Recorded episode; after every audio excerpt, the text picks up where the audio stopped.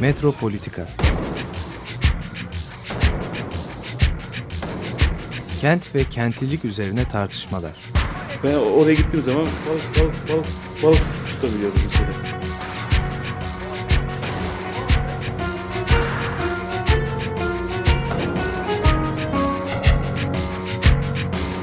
Hazırlayıp sunanlar Aysin Türkmen, Korhan Gümüş ve Murat Güvenç. Takusu yok yani. kolay kolay boşaltamadı. Yani elektrikçiler terk etmedi Perşembe Pazarı merkezinde. Merhabalar değerli Açık Radyo dinleyicileri. Ee, Metro, Metropolitika'da bugün sevgili Tam Murat. kadro. Tam kadroyuz. Murat Güvenç, Aysin Türkmen, ben Korhan Gümüş. Hep birlikteyiz. Şimdi bugün olağanüstü bir haber var. Ben ilk önce onunla başlayayım. Küçük küçük haberler bu hafta neler oldu ama bence olağanüstü haberlerden biri Yeni Kapı'da e, kaç senedir herhalde 10 seneyi buldu neredeyse buradaki arkeolojik kazılarla ilgili çalışmaların başlaması. Ee, buradaki çalışan arkeologların e, Kültür ve Turizm Bakanlığı'nın çalışanı olduğunu mahkeme kabul etmiş. Daha doğrusu Radikal'in haberine göre 27 Ocak Ömer Erbil imzalı habere göre Yeni Kapı kazılarında bir hafriyat şirketinin, hafriyat ve taşıma nakliye şirketinin altında çalışıyor diye gösterilen ancak ee, İstanbul Arkeoloji Müzeleri Müdürlüğü'nden görev alan, onlar tarafından görevlendirilen ve onlar tarafından yönetilen kadrolu arkeologların ee, Kültür ve Turizm Bakanlığı kadrosunda alınmaları konusunda iş mahkemesi karar vermiş. Şimdi bu çok ilginç bir haber. Eğer Yargıtay da onaylarsa bu restoratörler, arkeologlar, sanat tarihçileri kamu görevi yaptıkları için hafriyat şirketinin çalışanı olarak değil, müze çalışanı olarak Kültür Bakanlığı kadrosunda görevlendirileceklermiş. Gecikmiş bir karar ama çok çok önemli bir karar. Biz yıllardır bunu konuşuyoruz programda. Hani çünkü burada tamamen hani bir arkeoloji meselesi gibi gözüküyor ama aslında bütün araştırma, kamu alanındaki bütün fikir üretimi, bütün bu şeylerin, üretimlerin aslında e, hafriyat şirketi, nakliye şirketi ya da müteahhitlik şirketi, inşaat şirketi gibi şirketler tarafından yerine getirilemeyeceğini söylüyoruz yıllardır. Hep bunu konuşuyoruz çünkü bu konular ihaleyle e, elde edilebilir hizmetler değildir. Burada böyle şekil olarak bir uygulama yapılmış. Başına e, bakanlıktan bir kadrolu kişi yönetici atanmış. Fakat bütün kadrolar aslında nakliye şirketinin, hafriyat ve nakliyat, e, nakliye şirketinin altında çalışıyormuş. 2863 sayılı Kültür ve Tabiat Varlıklarını Koruma Yasasına göre de zaten arkeolojik kazılar e, kamu tarafından yapılması gereken hizmetler taşeronlara, müteahhitlere devredilemez diye zaten yasada da bu belirtiliyormuş. Mahkeme kararı çok ilginç bu açıdan örnek teşkil edebilir. Mahkeme kararı da buradaki kazılar toplumu ilgilendirir. Bunlar bir şirkete yaptırılamaz, bir hafriyat şirketine diyor. O zaman ben buradan bir e, genelleme yapmak istiyorum müsaadenizle. O zaman surlarda yapılan bütün inşaat işleri, restorasyon diye yapılan bütün o inşaat işlerinin aslında müteahhitlere yaptırılmaması lazım. Çünkü bütün o projeleri yapanlar, onlara danışmanlık hizmetleri verenler müteahhitlerin altında çalışıyor. Bu kişilerin derhal kamuyla ilişki kurması lazım, müteahhitle değil ve e, bu kurumların aradan çekilmesi lazım. Taşeronlar, müteahhitler, nakliye şirketleri falan. Onların tamamen bu alandan yani bu kamusal nitelikli karar olduğunu mahkeme belgelediğine göre 17. İş Mahkemesi bu kararı çok net söylüyor. Kamusal nitelikli bir şey üretiyorlar diyor çünkü iş üretiyorlar. O zaman tamam Süleymaniye Camisi'nin restorasyonundan, Topkapı Sarayı restorasyonundan devam edelim. Tekfur Sarayı'na yapılanlardan bütün bunları bu hizmetleri yerine getiren bütün bu şeyi yapan e, projeleri üretenler oradaki araştırmaları yapan hepsi müteahhitlerin altında çalışıyor. O zaman demek ki müteahhitleri aradan çıkarmak lazım. Ben biraz daha ileri gideceğim. Tarlabaşı projesi gibi. Süleymaniye projesi gibi. Fenerbalat projesi gibi projelerde çalışan bütün mimarların da sanat tarihçilerinin de, araştırmacıların da, sosyologların da müteahhitlerin altında çalışmaması lazım. Mahkemenin bu kararına göre. Onların da doğrudan doğruya kamuyla bağımsız olarak ilişki kurması gerekir. Yoksa piyasa odaklı işte bu neoliberal dediğimiz sistemin temel şeyine dokunuyor. Bu yeni kapı kazıları bu açıdan çok eğitici oluyor. Ben her açıdan hem çok işlevli, çok katmanlı bir projenin yönetimi yani sadece arkeoloji değil, sadece kentsel dönüşüm değil, sadece istihdam değil. Her şeyi ilgilendiriyor yani. Bir ulaşım perspektifinden bakılamaz diye yıllardır söylüyorduk. Aynı zamanda da burada çok ciddi bir örgütlenme yani siyasal örgütlenme biçimi hakkında bence eğitici. Bir bu konu var. Benim yani basında gördüğüm önemli şeylerden biri. İkinci bir şey bu muhtarlar toplantısı sarayda gerçekleşen Ankara'da. Cumhurbaşkanlığı sarayında artık öyle diyeceğiz herhalde. 406 muhtar katılmış. Türkiye'de 50 bin muhtar varmış. Bunlardan 18 bini köymüş, 32 bini mahalle. Burada çok enteresan bir demokrasi söylemi var. Cumhurbaşkanı şey diyor, demokrasi ailede, köyde, mahallede başlar. Ee, bu alanlarda güçlenirse, yani ailede, evde, e, köyde, mahallede güçlenirse ülkede de yükselir diyor. Doğru. Bunlar Cumhurbaşkanı'nın kendi sözleri. Ben söylemiyorum. Muhtarlık mühür basmak değildir. Doğru. Çok güzel bir laf. Ee, ama arkasından şöyle söylüyor. Büyük devlet olma vizyonu yerelde başlar diyerek istikamet marş marş merkeze. Muhtarlar farklı bir istikamette, hükümet ve cumhurbaşkanları ayrı bir istikamette olamaz. Bak şimdi buradan nereye geliyoruz? ee, uyum sağlayamazlar. O ülkede uyum sağlanamaz diyor. O da ilginç bir paradoks kendi şeyi içinde. Müsaadenizle üçüncü bir şeye daha dokunayım. Ondan sonra eğer şey varsa bir de Cihangir Hastanesi dün yıkılmaya başlandı. Ocak ayının sonuna doğru e, Beyoğlu Belediyesi'nin verdiği yıkım kararıyla birlikte müteahhit şu anda Cihangir Hastanesi'ni yıkıyor. Biliyorsunuz değil mi İlk Yardım Hastanesi Cihangir'in Sırasevler Caddesi ile işte aşağı doğru uzanan Alman Hastanesi'ni geçtikten sonra onun karşısındaki çok büyük bir e, yapı. Komplekstir. evet. Komplekstir. 69 yılında yapılmış bir binadır. Bence Cihangir'in en sağlam binalarından da biriydi. Hadi onu bilmiyoruz diyelim. Ee, burası e, Birinci Dünya Savaşı'ndan önce işte Katolik sörler tarafından kimsesizler ve bakıma muhtaçlar evi olarak kullanılan bir alan. Yani gene bir kamu alanı gibi.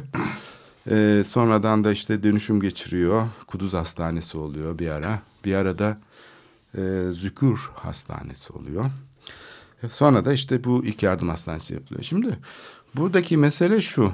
Yani bu inşaat aslında e, projeyi görenler tabii bunu söylüyorlar. Ben de şöyle ucundan gördüm bir masada. E, bu projeyi temin etmiş olan insanlar var. Proje e, şeyin sınırlarına kadar dayanıyor. Parselin. Yani şimdi şimdiki binayı şöyle düşün. Hiçbir e, yani hiçbir kaynak şey heba edilmemiş oluyor. Hiçbir böyle ufacık bir ağaç, yeşil alan falan ufacık bir santimetre kare heba edilmemiş. Yanında Rum Merkez Lisesi vardır te- terk edilmiş vaziyette olan yani öğrencisi kalmamış olan. Onun e, isnat duvarı vardır. O sınırdan başlayarak aşağıdaki yapıları da kapsayarak aşağıda birkaç tane küçük yapı var. E, yolun sınırına kadar uzanıyor. Aynı şekilde sıra servilere doğru da uzanıyor. Şimdiki binayı yaklaşık alanın yüzde otuzunu yüzde yirmisini kaplayan bir bina diye düşünün. Oradaki binayı. Ve bu kadar silme bir şekilde bütün bu alanı doldurduktan sonra Bu yapının işlevi nedir? hastane, ilk yardım hastanesi ama ne olacağı sonra meçhul olabilir. Ee, Beyoğlu'nda genellikle yapıldığı gibi hep binaların için yıkıyorlar. Demirören'in olduğu binayı niçin yıktılar? Yani eski kristal sinemasını, emek sinemasını niye yıktılar? Bu sorunun cevabı çok basit. Altına yedi kat inşa etmek için yıkıyorlar. Yukarı yedi kat çıkmak artık biliyorsunuz. Yedi katla sınırlısınız. Onun için yedi katlı aşağıya çünkü arazi çok değerli burada Beyoğlu'nda. Böylece 14 katlı bir bina yapılıyor. Yani bir gökdelen yapılıyor. Gömülmüş bir gökdelen aslında. Ve bu, Yerdelen. Yerdelen. Ve topografiyi müthiş etkileyecek bir yapı. Sadece topografiye ya da yanındaki binaları çatlatmak falan gibi. Hani Demirören mesela 6 metre 7 metre ötesindeki Ağa Camisi'ni çatlatmıştı. Bunun hemen dibinde Rum Merkez Lisesi var. Ee, ve düşün duvarı böyle 14 kat havada kalacak mesela. Yani böyle kazıldığı zaman havada altı toprak üstte bir duvar duracak. O binanın ayakta duracağını biz tahmin edebiliyor muyuz bilmiyorum. Bunu artık mühendisler düşünüyorlardır. Ee, ama aynı zamanda sınırlarına kadar büyümüş devasa bir yapının yaratacağı trafik yükünü düşünün. Yani burası ne olursa olsun. Hastane çok iyi. Ama o zaman azman bir hastane oluyor. Yani orası Nüfus mu artmış? Cihangir nüfusu artmadı. Yani yerel bir hastane olmaktan çıkıyor. Sanki Beylikdüzü'nde yapılan bir hastane gibi tasarlanmış. Şehir hastanesi. Şehir hastanesi oluyor aslında. Bütün şehre hizmet veren bir hastane oluyor. Yani şimdi onun belli bir sınırda tutulması. Yani planlama bu değil midir zaten? Hani eğer en basit matematik hesabıyla planlama yapılıyorsa buraya gelecek araç sayısı, ambulans sayısı belli. O zaman sıra servislerin şeyi de belli, trafik durumu. Bunu 10 kat inşaatı niye arttırmak gerekir? Ondan sonra bir de yani bu eski yapı aslında restore edilip mimari müdahalelerle güzel bir hale getirilebilirdi aslında. Ben yani bir mimarlık şeyiyle bakılsa şehircilik mimarlık şeyle yani bu mevcut düzeni korumak çok fazla şey yapmadan da ortalığı fazla e, kazılarla mazılarla yormamak şartıyla kamyonlar taşınacak hafriyat kamyonları bir yıl boyunca çalışacak. Onun yerine bu işi binayı tamir etmek şeklinde gerçekleştirebilirdi ya da güzel bir mimari müdahale olabilirdi yani akıllıca yapılmış müdahaleler olabilirdi. Onun yerine böyle uzun bir süreç koruma kurulu tabii uzun süre bu projeyi kabul etmek istememiş ama sonunda belediyenin bile burada dahili yok. Yani bir taraftan yerel yönetimlerden söz ediyoruz ama yani bu iş tamamen Sağlık Bakanlığı'nın ta Ankara'dan oradaki semtin sorunlarını bilmeden, trafik yükünü bilmeden verdiği bir karar. Tamamen inşaatçı bir mantık. Ne kadar çok sığdırırsak o kadar iyidir. Yani şimdi sadece müteahhitler böyle düşünmüyor. Devlet böyle düşünüyor bakın. Şimdi onun için zaten demin yeni kapı meselesine dokunmak istedim. Bu projeyi yapan mimarlar da Ankara'daki bir e, devlet şeyine, dairesine hizmet verdikleri için o ne isterse onu yapıyorlar doğal olarak. Oysa ki bu proje süreci bağımsız olsa, yani araştırılsa, edilse semtlilerin de bu konuda herhalde bir dahili olması lazım. Yani bu tip projelerde hiç gördünüz mü dünyada kimsenin haberi olmadan pat diye bir şey konur. Şimdi burada dernek var tabii. Cihangir Güzelleştirme Derneği var. 20 senelik bir dernek. E, ben de kurucularındanım. Hani derneğin bence ana işi bu olmalı zaten. Olmalıydı. Ben bunu 20 senedir söylüyorum gerçi her konuda. Yani itiraz etmek, e, işte doğru değil demek yerine bu Beyoğlu imar planları içinde böyle. Böyle deyince siyasetçinin tam istediği şeyi söylemiş oluyorsun. Ha bunlar her şeye itiraz ederler zaten. Bırakalım halka güvenelim. Halka anlatalım bakalım bu yaratacağı etkileri. Eğer istiyorlarsa bu kadar trafik yükünü, bu kadar egzoz e, şeyini burada mahallede o zaman e, yapılanı da onaylasınlar. Şimdi böyle bir korku var. Aman bu halka pek güvenilmez falan gibi. Aslında ne zaman halka doğru anlatılsa, üçüncü köprü içinde böyle.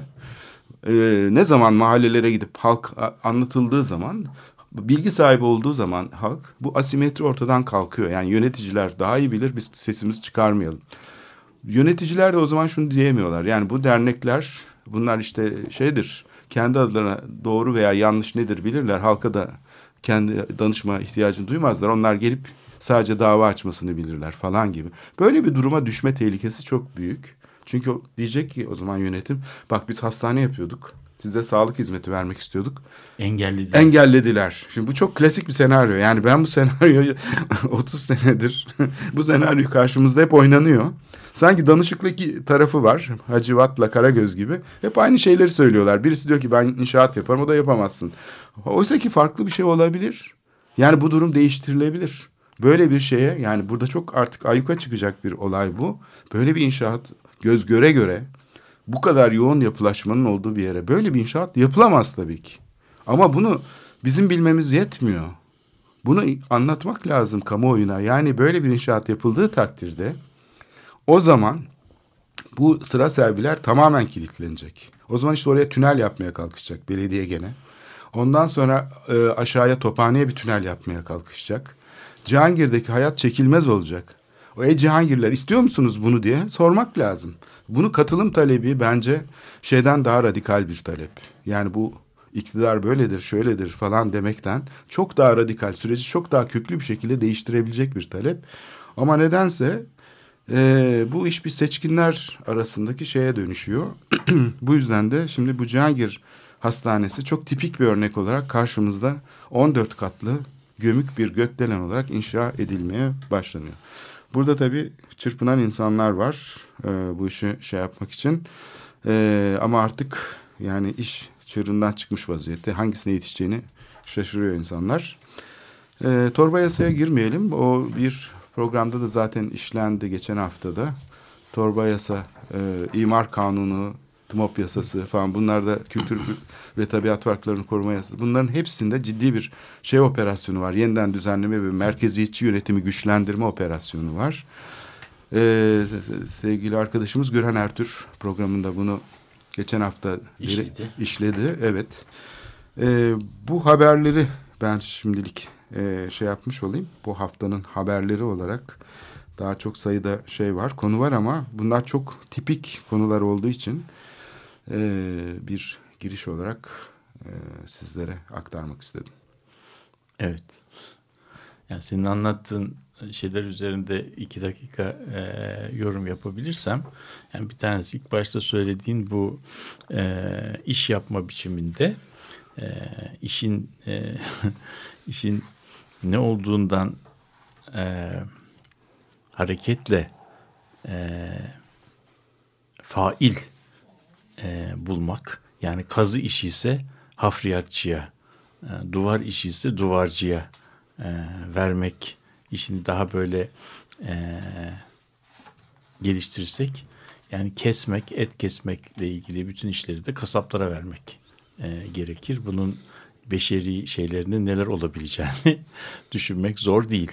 Yani burada uzman, e, işin ne olduğundan çok nasıl yapılması gerektiği ve hangi ilkeler uğrunda yapılması gerektiği, nasıl bir uzmanlıkla ele alınması gerektiği birazcık daha işin tırnak içinde söylüyorum metremikap tarafından daha e, önemlidir diye düşünüyorum. Bunu bunu becerdiğimiz ölçüde e, daha e, insani, daha sosyal, daha adil, daha e, daha etik bir toplum, daha yaşanılır bir, bir kent çevresi yaratabileceğiz. İkinci şey, ikinci söylediğin bu şey e, Cihangir tabii bu e, kamu görevlisi olması meselesi de çok önemli. Yani ama fikir tabii geliştirenin işte, değil tabii mi? Fikir ama bu kamu ben de o konuda belki çok küçük bir şey söyleyeceğim. Tamamen katılıyorum ama birazcık da bu tür projeleri üstlenen insanların e, bir mesleki özelliklerinin olması lazım. İşte tabii ki Kamunun o. içerisinde. Yani kamu görevlisi e, anlamında memur Teknokrat anlamında- olmaması lazım. Tekno- Teknokratların yani burada, da burada, aynı burada var tabii. uzmanlıkla kamu görevliliği arasında bir denge bulunması. Üçüncü söylediğin bu gökdelen yerdelen bu yerdelen kelimesini e, şey yapalım e, kullanalım yerleştirelim. yani İstanbul'la ilgili olarak bu programda coin edildiğini belki siz şahitlerin huzurunda tespit edelim. Pek, pek kullanılan bir kelime değil ama bunlar yani Türkiye'nin yeni yerdelenleri 7 kat yerin altına indiğin zaman tabii senin söylediğin gibi aslında fiilen 14 katlı bir şey yapmış oluyorsun. Üzerine de kuvvetli hava pompaları koyduğun zaman aşağıdakiler bayağı nefes alıyor gibi e, oluyorlar. Bu led aydınlatmayla da birazcık gün ışığı izlenimi veriliyor. Yani gör, gün ışığı görü- görünümlü mekanlarda, yeraltı mekanlarında e, yürüyen insanlar olmuş oluyor. Underground. Evet, underground. Yani şimdi burada e, bu meseleler bu meselelerde şey yani tamamen e, metrekare e, hesabı üzerinden e, ne işte e, kullanılacağı ne hizmet edeceğinden bağımsız yapılan e, kararlar e, dönüşüyor. Böyle bazı yemek tarifleri vardır. Hani aldığı kadar su, kaldırdığı kadar un filan gibi. Yani böyle şeyi ölçüsü tamamen el yordamına giden e, şeyler. Bunlar tabii e, Türkiye'deki meslek e, pratiği, yetkinliği bunların çok daha iyilerini yapmaya, bin kat iyisini yapmaya yeterli bir meslek pratiği var. Bence sadece bu hataları sistematik olarak tekrarlamama e, ve başka bir yaklaşımdan bu işe başka bir perspektiften de bakmaya çalışmak. Bunun bir alternatifi var tabii yani.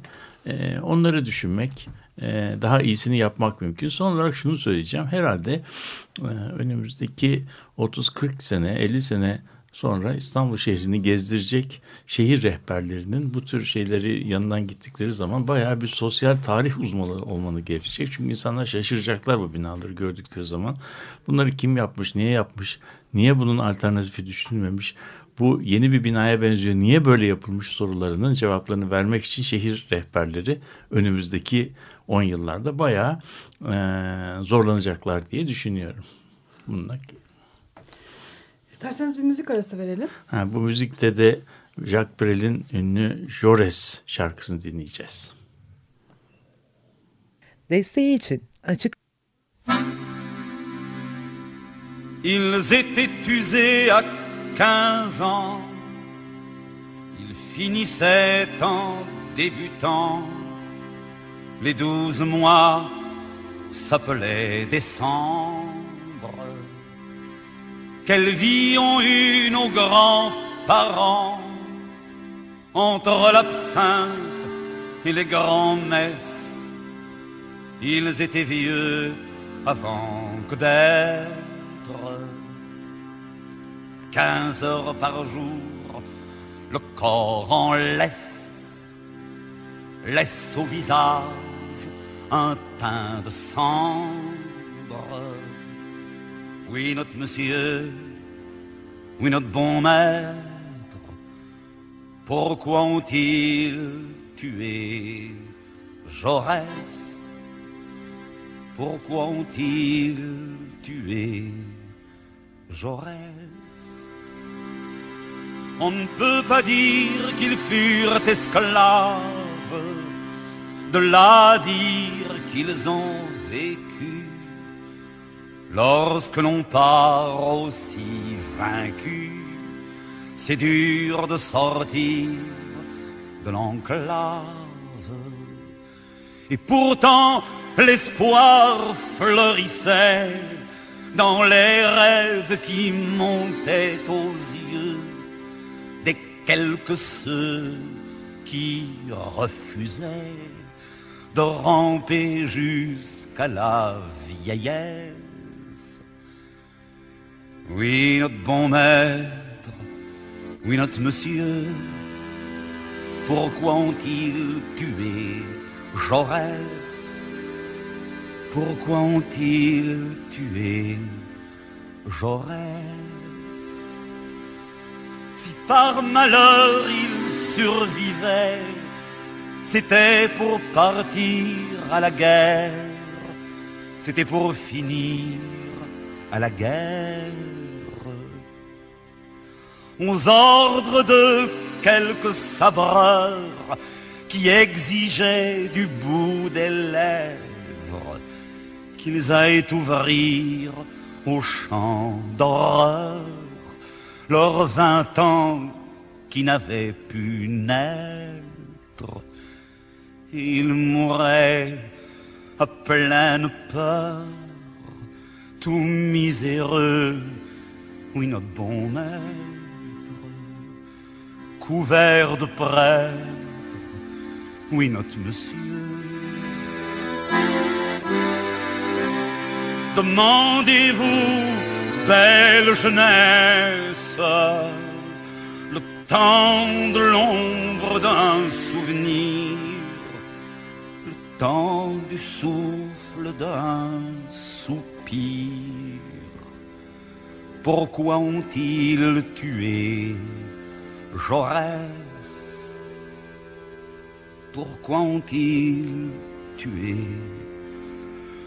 Jaurès? Tabii bu e, çok hüzünlü Jores şarkısını e, bir iki kelimeyle de e, anlatmak lazım. Belki Aysim'in bundan sonra anlatacağına da bir geçiş olabilir. Jores bilindiği üzere bir e, sosyalist lider. Fransa'da e, önemli e, bir hareket başlatmış. Sosyalist hareketin kurucularından şey yapılıyor ve bir suikaste kurban giderek öldürülmüş. Şarkıda Jacques Brel Fransa'da bütün bu eşitsizlikler, adaletsizlikler ve insan dışı yaşam e, yaşanırken niye Jores'i öldürdüler? Bu soruyu e, kendi kendimize soruyor muyuz diye sorarak bir e, Jores'i anmış oluyor. E, Evet, e, ben de e, bir süredir e, bu Charlie Hebdo olayıyla ilgili e, düşünüyorum. E, birkaç hafta önce zaten e, Mustafa Dikeç'in e, kitabından e, bahsetmiştik bir program boyunca. Bu Cumhuriyet'in kötü tarlaları. Kötü tarlaları, bataklıkları Evet. diye de çevirebileceğimiz bir kitabı e, konuşmuştuk ve burada e, Fransız e, banliyölerinde ki e, aslında şehir politikalarının e, bir 30 yılını anlatıyordu Dikeç. E, bu ne- na- nasıl yaklaşıldı, neler yapıldı, değişik evrelerinde neler, nelere dönüştü bu sosyal politikalar bunlardan bahsediyordu. E, şimdi e, bu e, Hebdo olayı da olunca hani bu çocuklar acaba nereden geliyor? Hani bu e, korkunç katliamı gerçekleştiren üç e, çocuk nereli, nereden geliyorlar diye ben de e, hani kendi çapımda küçük bir araştırma yaptım. E, Amedi Kolibali Mali'de Mali e, orijinli ama e, Fransa'da doğmuş E, ve e, La Grande Pointe Greny e, şehrinde büyümüş bölgesinde büyümüş. Bu burası Fransa'nın en zorlu bölgelerinden bir tanesi diye geçiyor. 1960'larda tam da Dikeç'in de kitabında anlattığı gibi bir sosyal ütopya olarak aslında kurulmuş bir yer. Ee, ancak e, sosyal bir e, çöp tenekesi diye adlandırılmış. Yüzde 40 işsizlik oranının olduğu bir alan. Konut siloları var değil mi? Aynen. Yoksulları yerleştirilen konut siloları. ütopik. Bizdeki TOKİ binaları gibi. Aynen. Ee, burada e, yani çok ciddi bir fakirlik var. Ancak esas en büyük sorun aslında fakirlikten de öte bir e, melankoli yani bir e, hani atılmışlık, itilmişlik hissi ve umutsuzluk, vaatsizlik durumu. Ee, Yani devlet tarafından terk edilmişlik. Yani bizi sevmiyorlar, bizi istemiyorlar hissi. Ee, ve e, mesela eğer bu adresle geçen programda da bunu söylemiştik. Bu e, bu bölgede yaşadığınızı iş başvurusunda söyledi, söylerseniz imkansız yani işe alınmanız. yani böyle bir e, gerçekliği var. Reputasyonu olan mahalleler, şehirler, bölgeler. E, Sait ve e, Şerif e, Kuaşi e, kardeşler de 19. E, Bölgede. bölgede, arrondismanda e, büyüyorlar. Orası da e, Müslümanların oldukça e, ağırlıklı olduğu, nüfusta ağırlıklı olduğu bir bölge. E, ve e, ilk e, bir parkta e, sanırım e, Kolibali ile de e, bir araya gelmeye başlıyorlar. Bu parkın adı e, Büt. Büt pardon Heh, Büt Şaman grup diye as- aslında da biliniyorlar. Bu e, bu parkta 19. arrondismanda olan bu parkta e, bir e, neredeyse bir hani şey diye tarif etmişler. Bir boru var. Bu borudan Fransız Müslümanları Irak'a savaşmaya gönderiliyorlar Kanal yani. bir, Bir, kanal, kanal. açılmış gibi böyle hani böyle, hakikaten burada böyle bir durum var. Ee, aslında bu Şerif Kureyşi bir pizzacı, şey, pizza e, Dağıtımcısı. dağıtımcısı E, ve aynı zamanda rap söylüyor. Yani aslında bildiğimiz hakikaten Fransız Müslümanı bir genç. E, ancak işte e, bir küçük bir e, suç yüzünden hani bir çalma e, suç yüzünden hapse giriyor. Bu ha- hapishane e, Fransa'nın en korkunç hapishaneleri hapishanesi sayılıyor. Hapishanenin yüzde altmışı ya da yüzde yetmişi Müslüman ve, ve e, bu hapishaneden e, bazı videolar e, çıkartmışlar. E, tutuklular dışarıya gönderebilmişler. Bu videoların yapanlardan bir tanesi de Kolibali. Yani yaşanır gibi değil hakikaten. Yani e, hayvanların bile e, standartlarına uymayan şartlarda e, insanları barındırıyorlar ve e, bu burada e, İslami radikalizmin çok ciddi bir şekilde oluştuğu ve e, burada e, yeni elemanlar katabildiğinden bahsediliyor. Bu şartlar altında hani e, aslında hani radikal İslam'a tevessül eden gençler de bir şekilde bu şartlara daha iyi uyum sağlıyorlar. Hani Ee, ancak o şekilde belki de cennet hissiyle, cennet tasavvuruyla e, hapishanede çok fazla problem çıkartmıyorlar. Ee, yani bu ortamda e, büyüyen e, gençler e, gitgide hani Irak'ta, e, Afganistan'da, başka yerlerde bir şekilde e, eğitiliyorlar. Yemen'de eğitiliyorlar. Ve daha sonra Fransa'ya geri dönüp e, bütün hani e, amaçları şehit olmak şeklinde bir yaşam sürüyorlar. Şimdi burada bu Mustafa Dikeç'in kitabında anlattığı bu şehir politikalarıyla buranın bu, bu böyle bu durumun bu çok içinden çıkması çok güçleşmiş olan bu durumun çok ciddi bir alakası olduğunu düşünüyorum bir süredir. E, 1980'lerden itibaren aslında hani e, bu e, göçmen nüfusun yaşadıklarıyla ilgili, buradaki sorunlarla ilgili çok ciddi politikalar üretilmeye başlanmış. Ben 1981'de araştırma grubu olarak bir e, hani sosyal program olarak başlatılmış ve sosyalist hükümet tarafından başlatılmış çok önemli bir çalışma var. Ancak e, hani öyle bir mekan politikası güdülüyor ki hani e, bir sosyal programlama olarak başlatılan şey e, gitgide e, şehirden soyutlanan, e, stigmatize edilen, e, dışlanan bir e, bölge yaratmaya, gitgide problem alanı yaratmaya dönüşüyor. Yani aslında iyi niyetli ve hakikaten çok ciddi bütçeler ayrılmış bir programdan bahsediyoruz. E, sosyalist hükümetin yapmaya çalıştığı.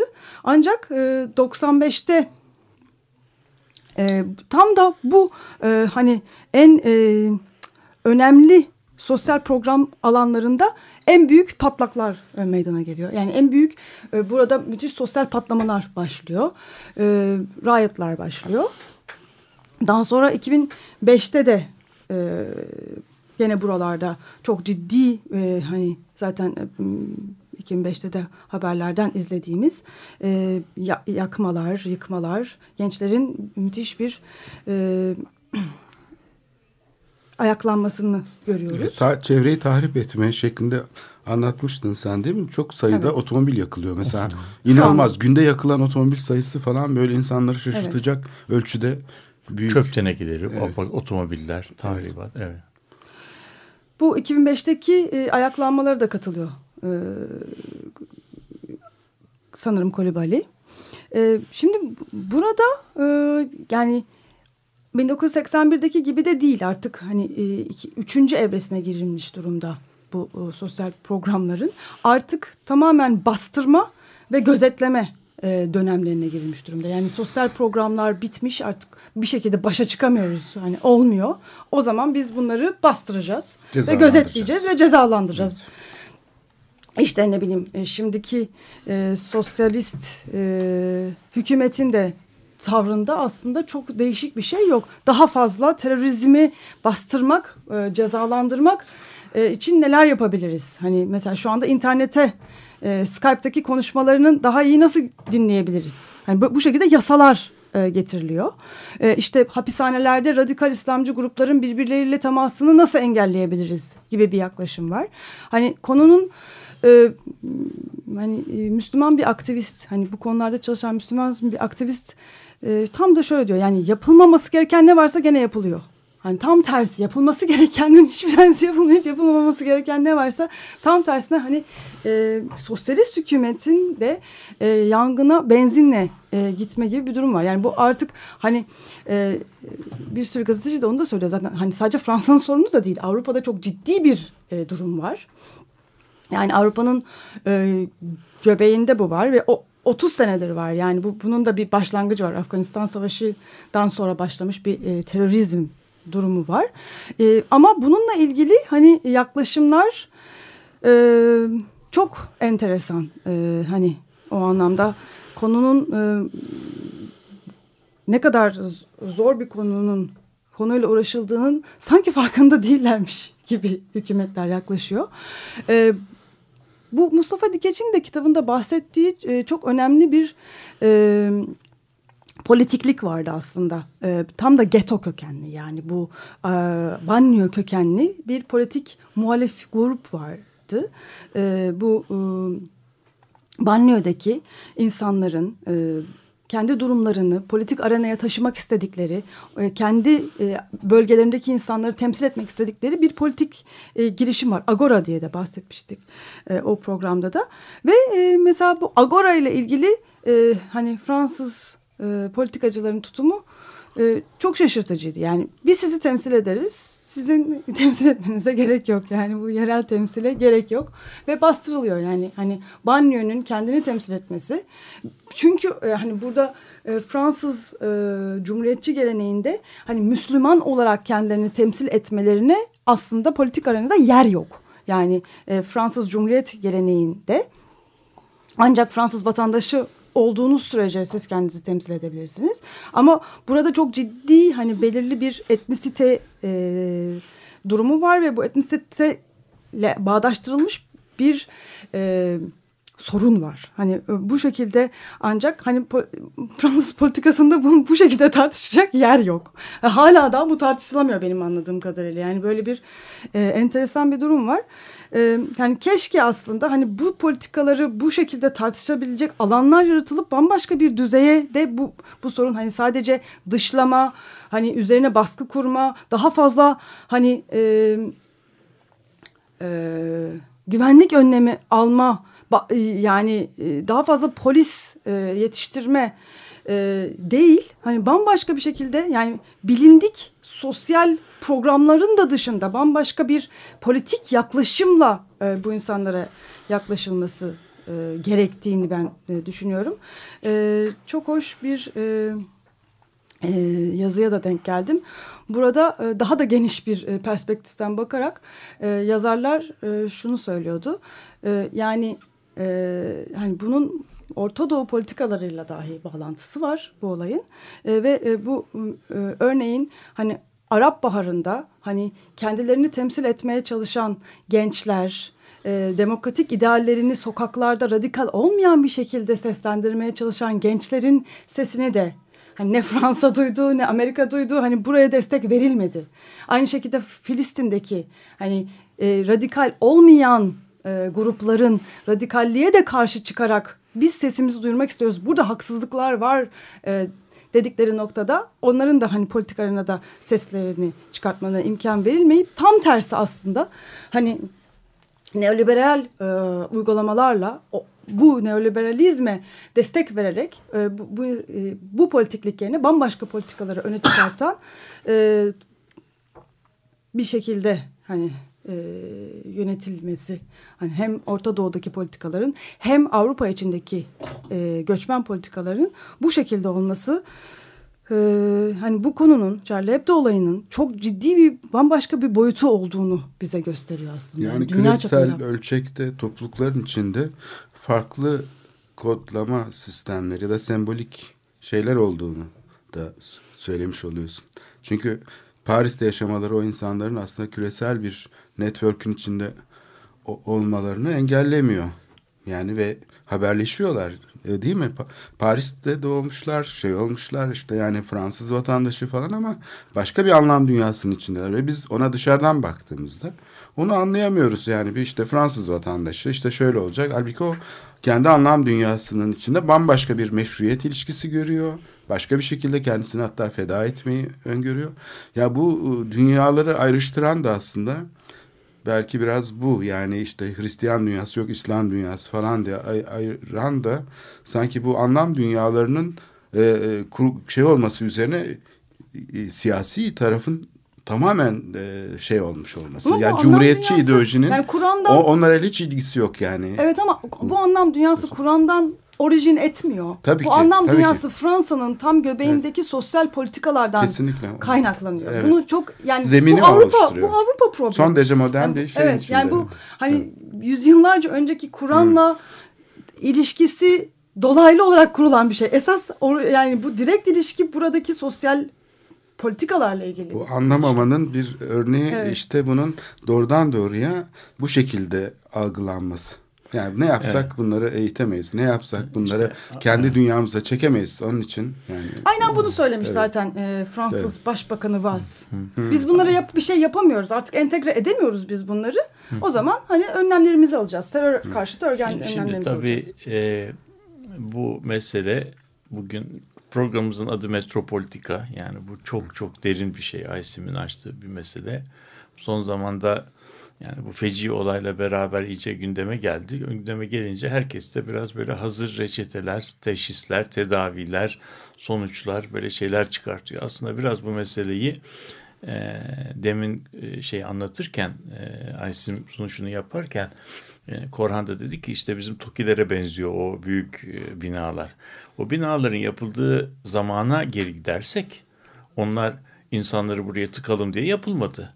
O binalar insanlara iyi, yapıldı. insanlara Sağlıklı yeni sağlıklı, kentler. sağlıklı yeni kentler e, Hatta şey Cumhurbaşkanımız Afrika'ya gidip dedi ki size de yapalım Hayır, dedi. bu eskiden ben 60'ların yıl- 60'lı Tabii. yıllardaki eğer Ben biraz 60'lı şaka olsun yıllarda diyorsun. bizim e, seyrettiğimiz e, böyle dokümanter filmleri e, şey yaparsak e, hatırlarsak belki Korhan bunları hatırlayacaktır. Bazı filmlerden evvel iki buçuk dakikalık, üç dakikalık televizyon olmadığı dönemde Sinemalarda. sinem, Haber. dokümanter filmler seyreder. Asri yaşam filmi. Yani böyle Hı. işte dünyada neler oluyor diye küçücük böyle şeyler. Çünkü o zaman televizyon olmadığı için biz böyle sinemalarda iki dakikalık, üç dakikalık küçük filmler şey yapardık. Yani işte Ay'a giden uçak nasıl, şey roket nasıl atıldı? İşte yeni otomobiller nasıl? Yeni mutfaklar nasıl oluyor? Yani teknoloji başka bir iletişim kaynağı olmadığı için filmlerden önce böyle genellikle yabancı ülkelerin şeylerinde böyle 2-3 dakikalık küçük şeyler vardı böyle Pro- e, propaganda değil reklam da değil biraz tanıtıcı filmler yani dokümanter denirdi bunlar.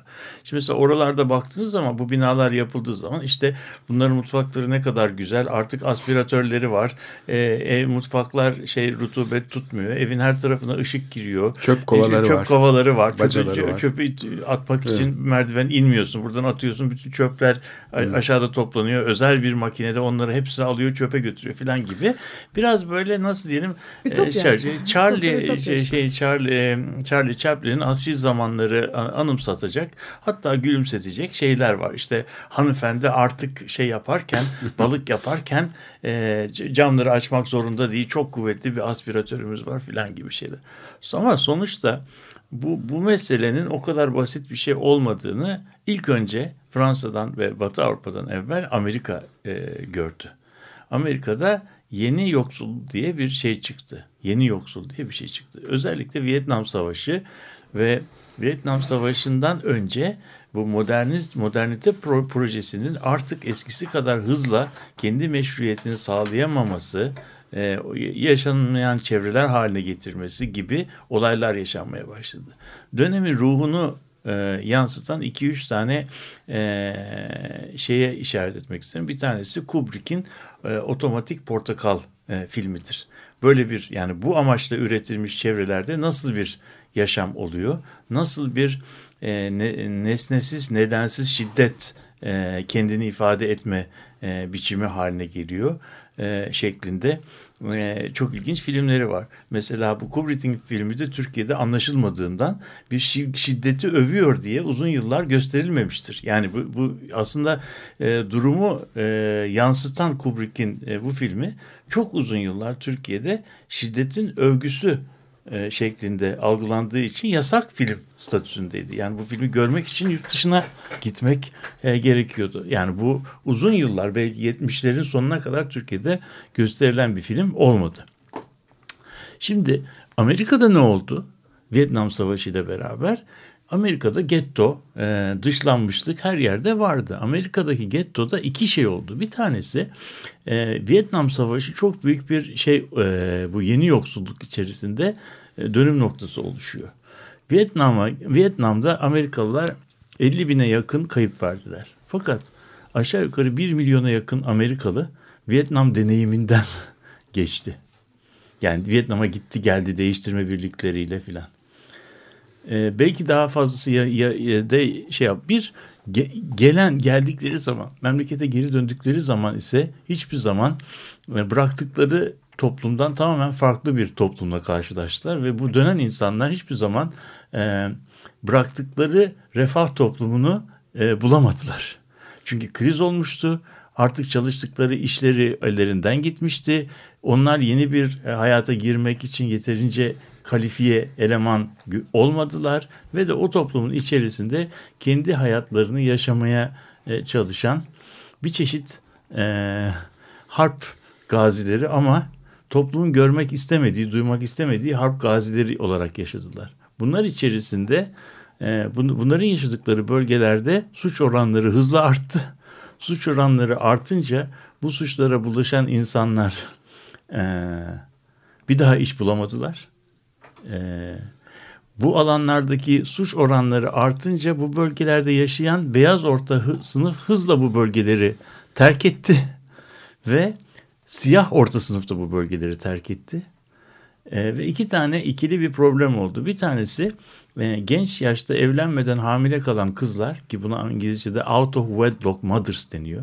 Yani evlilik dışı çocuğa sahip olanlar ve erkeklerde de suça bulaşmış e, şey, sabıkalı olan erkekler. Böyle olduğu zaman bu süreç problemi kendi kendine zaman içinde yeniden Tabii. üreten bir şeye e, dönüştü. Bu problemde e, Amerika'da e, Amerikan sisteminde e, çok ilginç bir şeyleri ol, olmasına rağmen temsil yöntemleri olmasına rağmen e, sa, e, çözülemiyor ve Amerika'nın en büyük e, en büyük problemlerinden bir tanesini oluşturuyor. Şimdi problem Avrupa'da da Fransa'da da benz başka modalitelerle yaşandı. Yalnız e, seninkin senin sunuşunda e, yeterince değinmediğimiz iki nokta var. Bir tanesi şu, bir tanesi şu. İngiltere ve Amerikan sisteminde dar bölgeye e, dayalı temsil, siyasi temsil sistemleri var. Yani İngiltere'de milletvekilleri bir bölgenin constituency dedikleri bir bölgenin milletvekili oluyorlar. Eğer böyle bu bölgenin nüfusuna nüfusuna göre de bu bölgeler kendi milletvekillerini seçmiş oluyorlar. Fransa'da böyle bir sistem yok. Ve İngiltere'deki urban policy denen şey büyük ölçüde cemaat temelli ve şeylerin farklı kültürlerin kendilerini temsil e, kanallarını açık tutan bir sistem. Halbuki Fransa'da e, Fransa'da cumhuriyetçi bir e, sistem var. Cumhuriyetçi sistem bu cemaat yapılarının tasfiyesine ve kendinin yerine e, cumhuriyet e, yani cemaatlerin tasfiyesine buna karşılık bir e, cumhuriyetin vatandaşının e, oluşmasına e, neden e, oluşmasını öngörüyor. Fakat bu cumhuriyetin vatandaşının oluşturulması inşaatı e, yani toplumsal olarak kendini yeniden üretilmesi bu e, özellikle kriz koşullarında e, üzerinde uzlaşılmış meşruiyeti sağlamış bir model halinde olamıyor. O yüzden İngiltere'de parlamentoda e, nasıl diyelim şey e, e, temsil bu, bu, Fransa'dan çok daha e, kolay e, gerçekleşiyor. E, hangi sistem daha iyidir sonusunu söylemiyorum ama Fransa'daki sistem e, küçük grupların bu kriz koşullarında kendilerini siyaseten ifade etmelerine çok elverişli bir sistem değil. Böyle ol, olduğu zaman da çok bizim bildiğimiz doğrudan baskı, dolaylı şiddet, simgesel şiddet ki burada bunların çok e, daha olmadan, bu işler hiç olmadan bu işin kötüye gittiğine dair çok ilginç pasajları var. Size e, gösterebilirim. 90'lı yıllarda neler söylemiş bu meseleler liselilerle, gençlerle ilgili olarak da söylemiş. E, e, bir büyük problem olarak ortada duruyor ve bu e, bunun sadece bina yapmakla sadece bina yapmakla ve insanlara e, ipotekle bina e, e, sahibi yapmakla çözülmekten çok daha kompleks bir program olduğunu e, görüyoruz. Yani senin anlattığın e, öykü e, trajik bir sonla e, sonlandırıyor ama e, problem hiç de çözülmüş değil. Olduğu yerde duruyor. E, nasıl çözüleceği konusunda da e, bir büyük soru işareti var.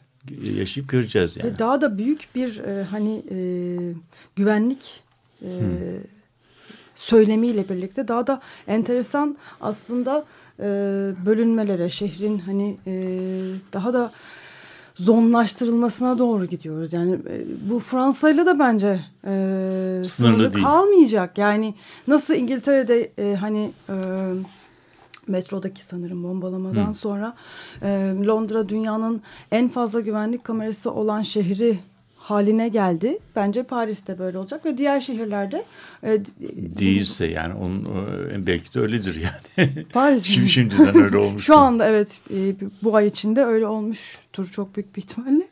E, ve diğer şehirlerde Avrupa'daki diğer şehirlerde aynı e, ve bu yani gündelik hayatın yani e, her an her noktasının denetlenmesi anlamına geliyor. Yani bu İstanbul'da bizi de bağlıyor bu anlamda. Yani hani e, var olan sorunları teröristleri yakalamak üzerine önlemlerle e, çözmeye Çözmeye çalıştığımızda Mesela işte şapka giyersen, kask giyersen terörist oluyorsun. Yüzünü kaparsan suç işlemiş oluyorsun. Şimdi bu önlemlerin şeyi de hani güvenlikçi şeyin sonunda artık e, insanları böyle e, Karikatürel yerlere gidiyor. Yani Evet, burada su- e, ama nasıl bu- suç olabilir? Ben diyelim yüzümü kapatıyorum mesela. Yok suç diyor mesela. Yok gaza karşı maske takarsan suç işlemeye hazır mı olduğunu bu bir gösteriyor. silahtır filan. Evet. Şeyin yani e, işte belki programda üzerinde durmamız gereken şey yani e, en az acil olan e, şey biz yaşanılır, sürdürülebilir bir e, kentsel yaşamı nasıl sağlarız sorusu en temel e, su ekmek kadar e, e, yaşamsal öncelikli bir problem haline geliyor. Yani kent politikası Kent politikası sadece apartman yapmak değil, daire yapmak değil. Ee, ama Ütopyalar üretmek de kesinlikle de değil. Ama bu insanlarla nasıl bir, bir toplumsallık kurabiliriz? Toplumsallığın yeni biçimleri nasıl kurulur? Bunlarla e, uğraşmaya gerektirecek. Aslında şeylerin e, kafasında e, hep karşımıza çıktığı halde söylemedikleri, arka planda sö- söylemeden dur, e, şey yaptıkları, kabul ettikleri şey aslında biz doğruyu ve iyiyi sizin için bilirizdir. Bu elitin yani asıl Bunlar ve bu sistem çöküyor. Yani biz aslında bunu söylemiyorlar açık açık. Biz sizin adınıza doğruyu ve yanlışı biliriz. Sizin adınıza şehirleri planlarız. Bunu açık açık söylemiyorlar ama baş- bizim Cumhurbaşkanımız söylüyor aslında. açık bir tek söyleyen o zaten. işte yani bu şeyi kuran yalan bu zaten. Aynen. Hani modernleşmenin yalanı diyelim. Ve bu çöküyor bu sistem. O yüzden yani belki bir taraftan otoriterleşme işte daha güvenlikçi bir toplum arayışı falan. Ama diğer taraftan da yani bu sistem çöktüğüne göre başka bir şeye doğru geçilmesi için de belki fırsat bu. Yani yeniden düşünmek. Bütün bu modernleşme eşiğinden geçmiş toplulukların bu yaşadıkları şeyi, sorunları aslında dönüştürebilecek yeni bir siyasal şey, radikal bir özgürlük şeyi. Gündelik hayat politikaları. Evet, tabii. Şehir politikaları lazım. Evet. Ee, çok teşekkür ederiz. Destekçimiz ODTÜ Mezunlar Mezunlar Derneği. Derneği'ne. İyi haftalar diliyoruz. Hoşçakalın.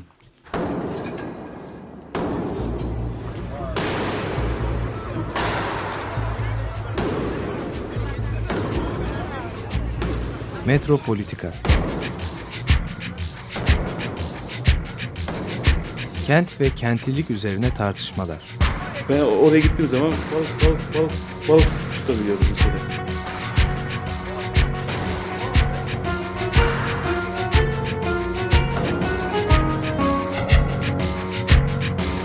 Hazırlayıp sunanlar Aysin Türkmen, Korhan Gümüş ve Murat Güvenç. Takusu yok yani. Kolay kolay boşaltamadılar. Yani elektrikçiler terk etmedi Perşembe Pazarı merkezinde. Açık Radyo program destekçisi olun. Bir veya daha fazla programa destek olmak için 212 alan koduyla 343 41 41